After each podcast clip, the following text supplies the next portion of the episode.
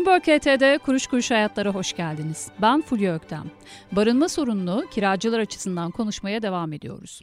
Kiracılar için ikinci bölümde tahliye taahhütnamesi, tahliye davaları gibi son dönemde öne çıkan kiracı sorunlarını ele alacağız. Konuğumuz Piri Reis Üniversitesi Hukuk Fakültesi öğretim üyesi doçent doktor Ali Hulki Cihan. Hocam şimdi kira bedelinde anlaştık.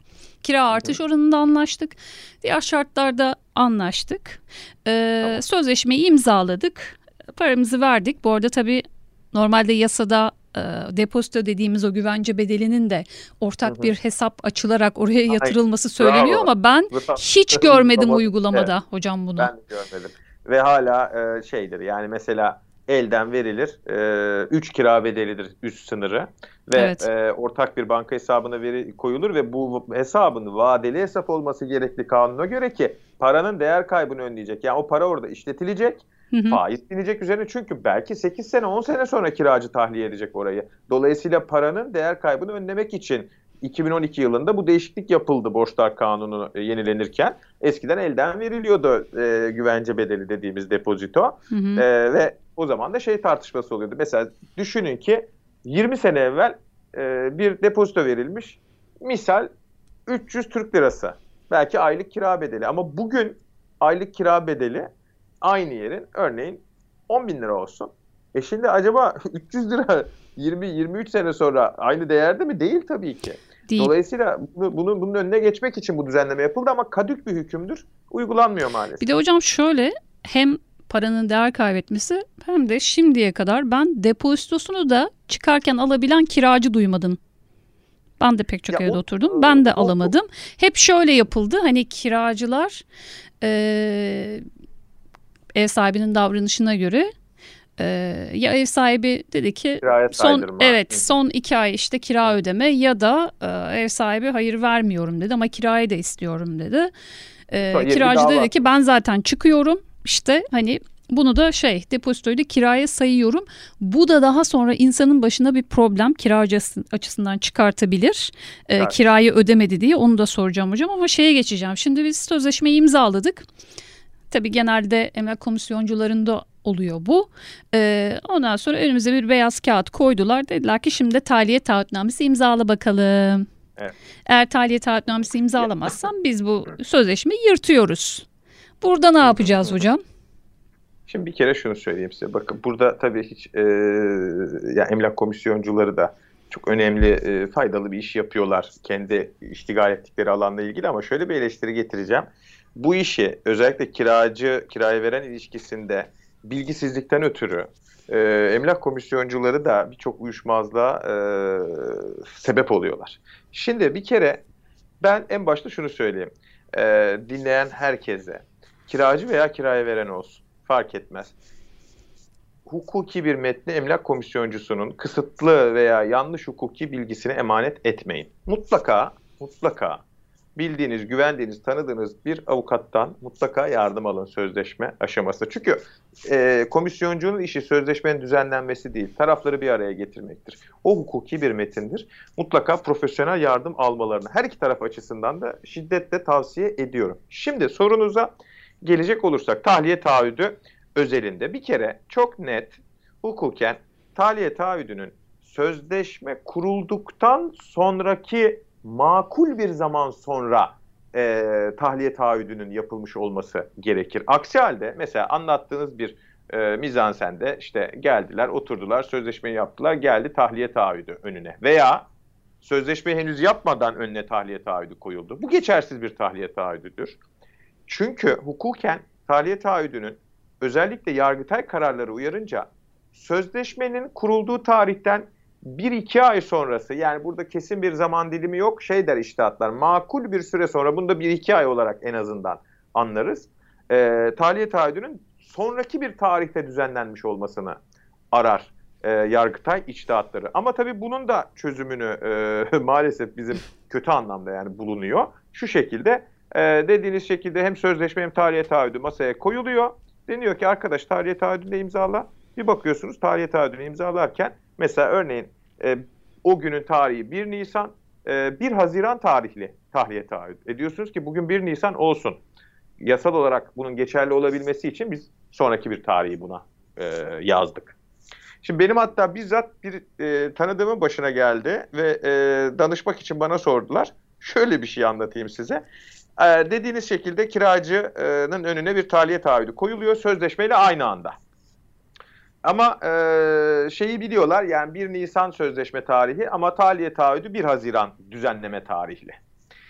Şimdi bunu imzalıyor kiracı. Daha sonra e,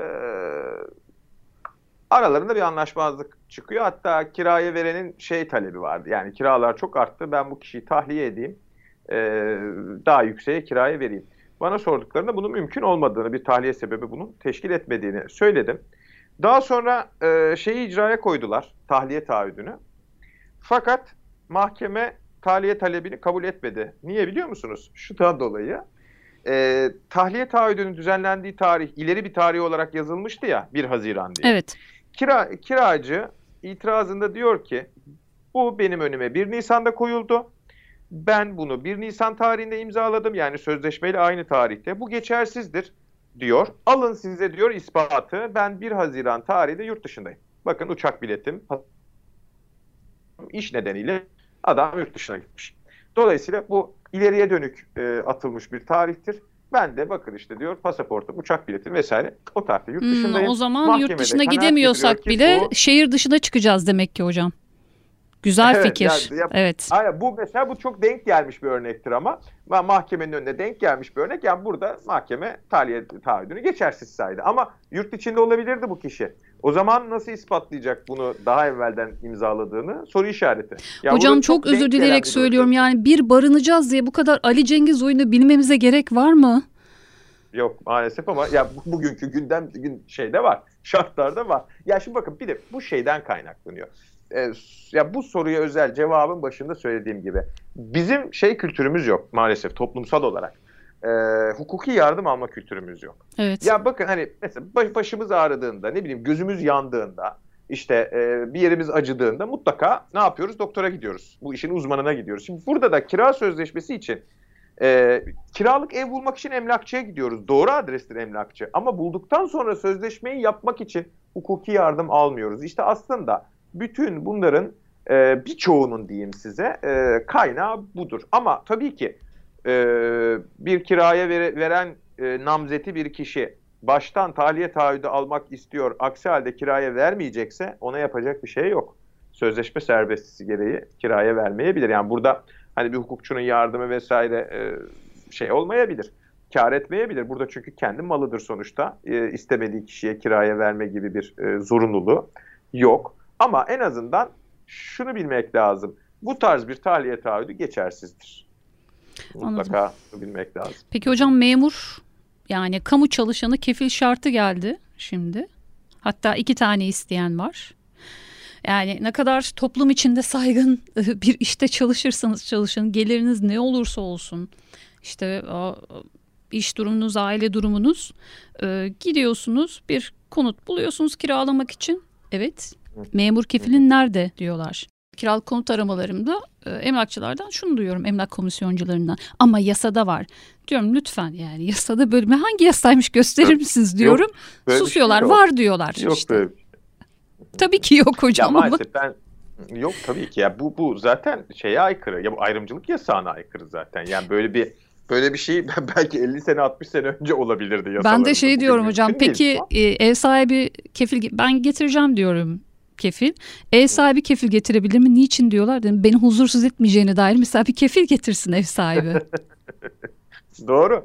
Yani hani e, bu şey artık maalesef yine e, şimdi bakın şöyle düşünmek lazım. Kirayı veren açısından da bu bir risk, kiracı açısından da bu bir risk. E, bir para borcu kiracının e, yüklendiği borç. Burada evet kefalet tamam e, çok sıklıkla bizim gördüğümüz e, kira sözleşmelerinde de özellikle kefalet işleyen bir mekanizmadır. Ama işte maalesef burada e, şey durumu söz konusu artık. Yani belki ayrımcılık yasağını falan delecek şekilde işte memur kefil getir, aksi halde emekli e, işte kefil getir gibi. E, ama şu pencereden bakmak lazım. Ya yani ben en azından hukukçu olarak e, o pencereden bakmaya çalışıyorum e, elimden geldiğince. E, sözleşmenin her iki tarafı açısından da durumu değerlendirmek lazım. Şimdi kirayı veren açısından da şu söz konusu olabiliyor bakın çok Ya başka bir pencereden şöyle bir şey söyleyeyim size. Emekli ve bir şekilde e, birikimiyle veya işte aileden e, zamanında miras kalmış bir takım e, şeylerle, mal varlığı değerleriyle böyle küçücük bir şey almış kendine. Oturduğu evin dışında küçücük kutu gibi bir daire satın almış. Bir emekli maaşı var, mütevazı bir emekli maaşı var ve bir tane de kutu gibi bir e, evin kendi oturduğu evden başka bir gelir e, getiren küçük bir yeri var. Şimdi burada e, bu insanın bir ay kira almaması veya bir ay bunu geç alması onun bütün ekonomik dengesini ne yapabilir? Bozabilir. E o da haklı olarak bunun e, garanti altına alınmasını istiyor. Şimdi dolayısıyla aslında baktığınız zaman e, şey değil yani kefalet zaten düzenlenen bir sözleşme türüdür. Ama bu şekilde uygulandığında işte rahatsızlık veriyor bize. Evet hocam peki şimdi gelelim e, tahliyeye. Ev sahibimiz bizi istediği zaman tahliye edebilir mi? Bunun şartları ne? Şimdi son zamanlarda şunları duyuyoruz. Hani bu meşhur Almanya'dan oğlum gelecek. ee, bu tabii şey fenomen olmuş bir şey ama işte evet. ben oturacağım, kızım evlenecek, o oturacak, annem babam e, oturacak bu evde. E, ben e, tadilat yapacağım evde, işte evi yıktıracağım. e, onun dışında e, temerrüde düşürmek için kiracıyı banka hesabını kapatanlar. Hı. Bunlar hep şey yargıya da taşınan şeyler olduğu için söylüyorum tabii, hocam. Tabii, tabii. Ee, şimdi koşulsuz bir şekilde kiracısını ev sahibi hangi şartlarda tahliye edebilir? Bunun Hı. bir işte e, süre e, sınırı var mı? Ve onun dışında e, bu ev sahibinin ataklarına kiracılar nasıl yanıt verecek? Mesela geçtiğimiz günlerde yine bir haber vardı. 11 lira eksik yatan kira nedeniyle icra mahkemesinde tahliye kararı çok can yakıcı bir şey hocam. Evet, evet. Yani nasıl korunacak kiracı bunlardan? Şimdi şöyle başlayayım. Bir kere e, herhangi bir koşul olmaksızın e, yani böyle pat diye kiraya veren kiracıyı çıkarabilir mi? Tek bir halde çıkarabilir. O da kira sözleşmesi 347. maddede düzenlenen bir durumdur bu borçlar kanununun. Kira sözleşmesi 10 uzama yılını doldurduğu vakit e, kiraya kiraya veren sözleşmenin bitiminden en az 3 ay evvel bunu ihtar etmek koşuluyla e, şeyi çıkarabilir kiracı. Ama burada bakın söz uzama yıl 10 uzama yılının sonunda. Yani bu aslında şeye tekabül ediyor. Sözleşme bir yıllık yapıldığını düşünün. Bir yıl dolacak. Hı hı. Sonra 10 tane uzama yılı olacak. Toplamda 11 yıl. Diyor ki 10 uzama yılının sonunda takip eden yılın içerisinde son 3 ay kala. Yani aslında ortalama burada hemen hemen 12. yılın sonunda ancak kiracıyı tahliye edebilir. Hiçbir gerekçe öne sürmeksizin. Burada kanun koyucu e, şöyle bir denge gözetmiştir çok isabetli olarak. E, kira, bakın şunu söyleyeyim. E, kirasını ödeyen bir kiracıyı tahliye etmek çok güçtür. Özel bir takım sebepler yoksa mesela bina riskli yapı, e, kentsel dönüşüm falan sürecine girmediyse veya işte ihtiyaç nedeniyle tahliye şartları yoksa veya usulüne uygun ve geçerli bir şekilde alınmış bir tahliye taahhüdü yoksa, bakın bu durumların hiçbiri yoksa, kirasını zamanında ödeyen bir kiracıyı tahliye etmek ya bu, bu şekilde mümkün değil. Ne zaman mümkün? İşte 347. madde uyarınca 10 uzama yılı sonunda. Bunun dışında tabii ki tahliye sebepleri var. Kanunda düzenlenen tahliye sebepleriyle ancak kiracı tahliye edilebilir. Yani bir sözleşmenin içerisinde e, işte iki kira geç yatırıldığı takdirde kiracı tahliye edilecektir. Veya işte e, binanın aidatı geç ödendiği takdirde bu bir tahliye sebebidir gibi koyulan hükümler hiçbir şekilde geçerli değildir. Çünkü bizde tahliye sebeplerinin sınırlılığı ilkesi benimsenmiştir kanunda. Bunun anlamı şudur. Sadece kanunda düzenlenen tahliye sebepleri gerçekleştiğinde kiracı taşınmazdan tahliye edilebilir. Aksi bir durum yani sözleşmeyle mesela şey düzenlemesi yapılmış denmiş ki işte demin e, mesela çok gördüğüm bir şey benim bu. Bina aidatları geç ödendiği takdirde bu bir tahliye sebebidir. Hayır bu bir tahliye sebebi değildir örneğin. E, ne tahliye sebebidir? Sözleşmeye aykırı kullanım. Mesela siz orayı konut olarak kiraladınız ama e, orayı home office olarak kullanıyorsunuz ve orada ticari bir faaliyette görüyorsunuz örneğin. Şimdi bunu e, sözleşmeye aykırı bir kullanım olduğu için bu bir tahliye sebebi oluşturur. Veya Birçok tahliye sebebi var. E, bu meşhur işte oğlum kızım Almanya'dan gelecek maddesi yani bizim e, teknik anlamda e, ihtiyaç nedeniyle tahliye dediğimiz husus. Burada da e, bu e, sadece oğlu veya işte kızıyla yani çocuğuyla sınırlı değildir. Annesi, babası, eşi, kendisi, alt soyu, üst soyu veya bakmakla kanun, yükümlü olduğu bakmak, kişiler diyoruz. Evet, Peki hocam şimdi bu, buna evet. da çok rastlıyoruz. Hemen yeri gelmişken sorayım. Ee, iş, ihtiyaç nedeniyle tahliye dedi, davayı açtı, kazandı ev sahibi. Taşındı kiracı. Evet. 6 ay sonra mahalleye geldi baktı ki başka bir kiracı oturuyor orada. Evet çok hemen e, şöyle bir şey. Yani bu evine yıllık... dönemeyeceğine göre ne yapabilir hocam? Şu 3 e, yıl boyunca kiraya verme yasağı var. İhtiyaç nedeniyle tahliye e, kararı aldıysa eğer bir kiraya veren ve bu gerekçeyle de kiracıyı tahliye ettiyse 3 yıl boyunca kiraya veremez. Eğer 3 yıl dolmadan kiraya verdiyse, kiracı bunu tespit ederse e, bir yıllık kira bedeli oranında bir tazminat talep etme hakkı var kiracının. Yine mahkemeye gidecek. Peki hocam evet, yine mahkeme, e, bu e, %25'in üstünde ödediğiniz işte e, kiraları dava açarak e, alabiliriz e, evet, dedik. 5 yıl geriye dönük olarak. E, onun dışında az önce de bahsettim. E, kiracıyı temerrüde düşürmek için e, kira bedellerinin yatırıldığı banka hesabını kapatmak. Bu durumda kiracı ne yapabilir? Tamam.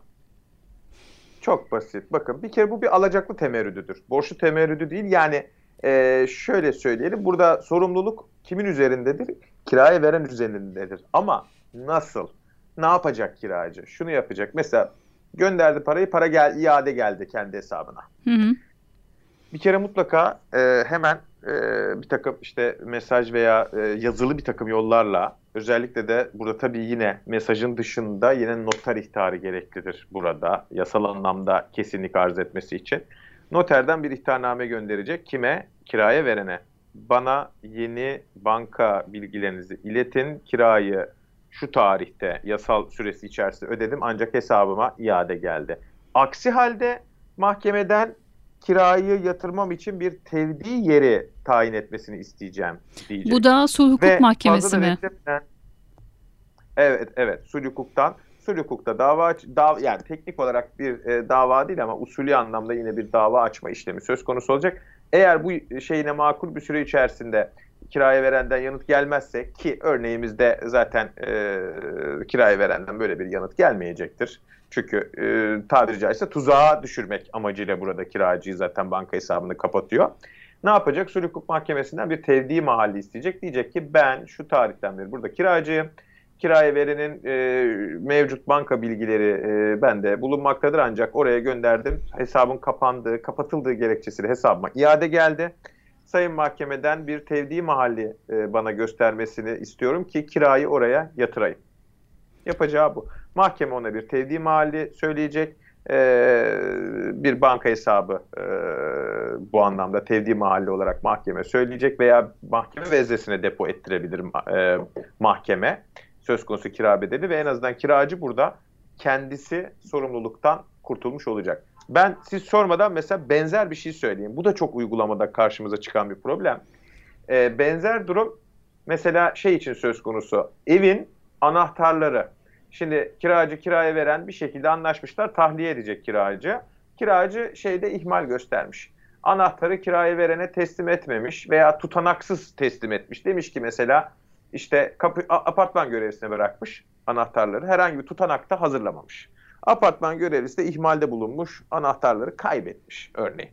Şimdi kiracının elinde bir ispat yok anahtarları teslim ettiğine dair değil mi? Evet. Şimdi burada da mesela aradan da 3-5 ay geçmiş pat bir icra takibi geliyor şeye kiracıya, eski kiracıya. İşte 5 aylık örneğin şey kira bedelini istiyor e, kirayı veren. Kiracı itiraz ediyor, mahkemeye intikal ediyor konu icra dairesinden. Diyor ki kiracı ben burayı şu tarihte tahliye ettim. Anahtarları ne yaptın? İşte filanca kişiye verdim. Nerede? İspatın nerede? Kanıtın nerede? Yok. E kime vermen lazım? Kimden kiraladıysan ona ve bunu bir tutanakla şey altına alman lazım. Kayıt altına alman lazım. Yok. Dolayısıyla uzatmayayım. Kiracı burada örneğin 5 aylık, 6 aylık her neyse kira bedelinden sorumlu olur. Neden? Çünkü kira sözleşmesi ne zaman sonlanmış sayılır bu tarz durumlarda? Anahtar kiraya verene teslim edildiğinde. Peki kiraya veren almıyor anahtarı.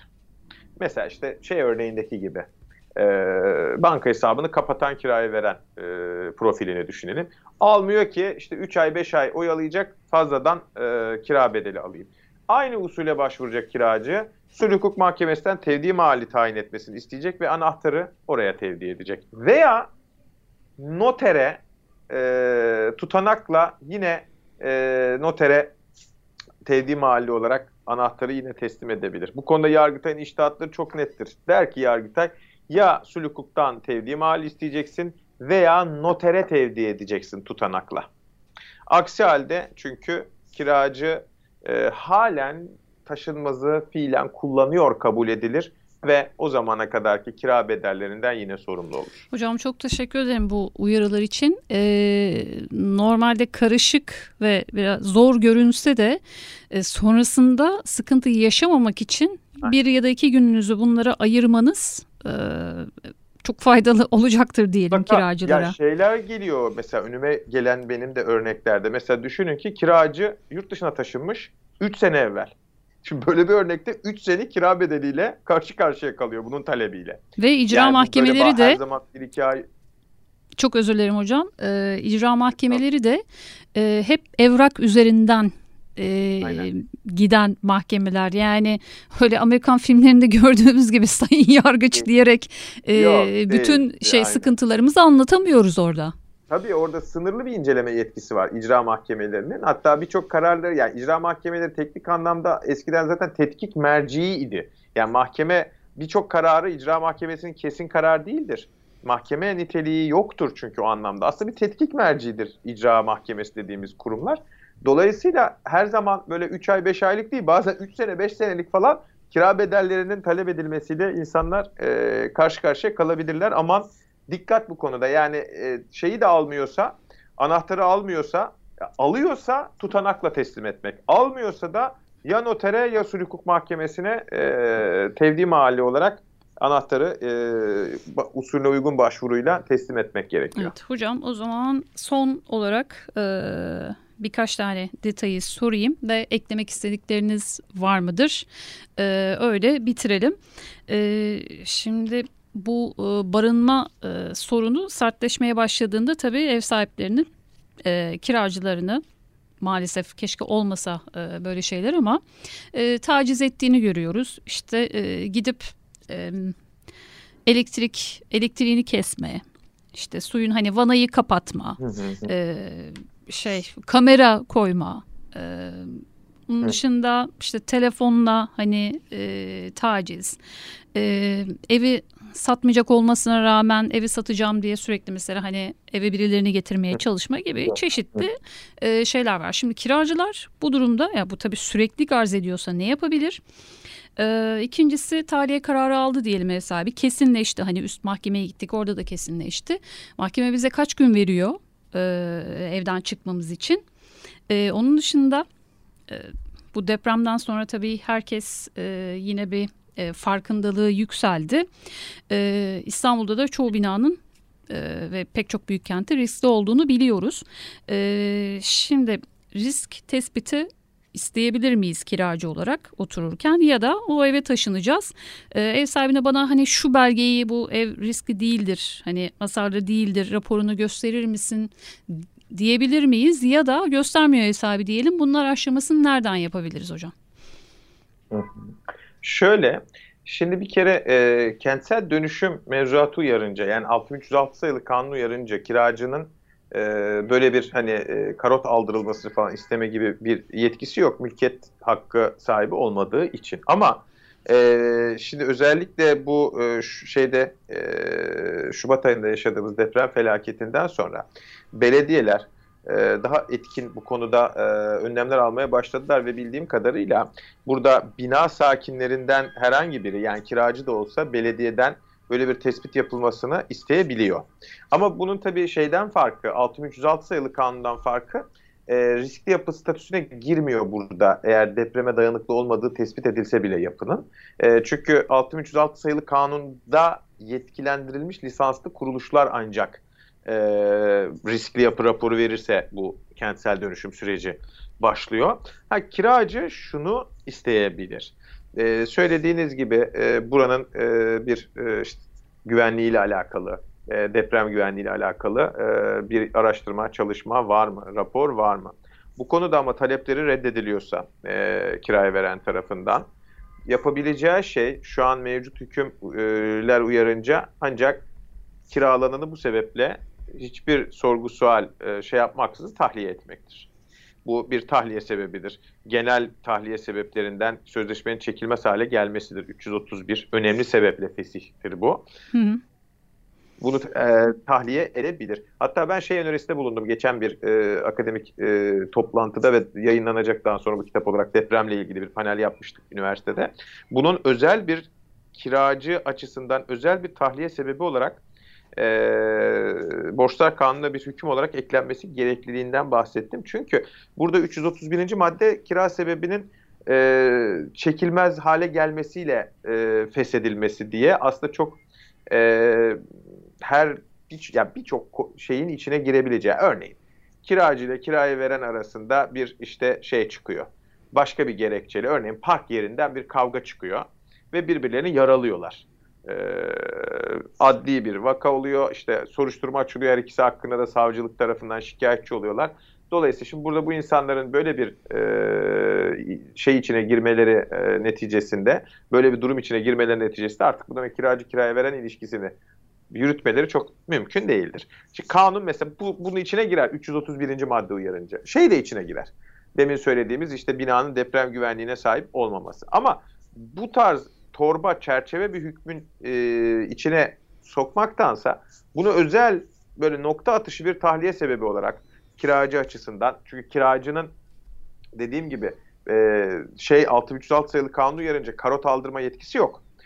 Ancak bunu kim isteyebilir? Mal sahibi isteyebilir. Mal sahibi böyle bir yola gitmiyorsa, e, karot aldırmak gibi vesaire deprem güvenliği ile alakalı e, bir e, eylem içine girişmiyorsa bu kiracının e, özel bir tahliye sebebi olmalıdır. Mevcut kanun yönünden yine 331. madde uyarınca kiracı deprem güvenliği olmadığı gerekçesiyle direkt olarak tahliye edebilir. Buna ilişkin e, ülke genelinde özellikle maalesef deprem bölgesinde bu tarz e, veya depremden en çok etkilenen hani e, yıkım anlamında değil ama en azından sarsıntı anlamında ve bina güvenliği anlamında etkilenen yakın e, çevrelerde de bu tarz e, uyuşmazlıkların olması muhakkaktır.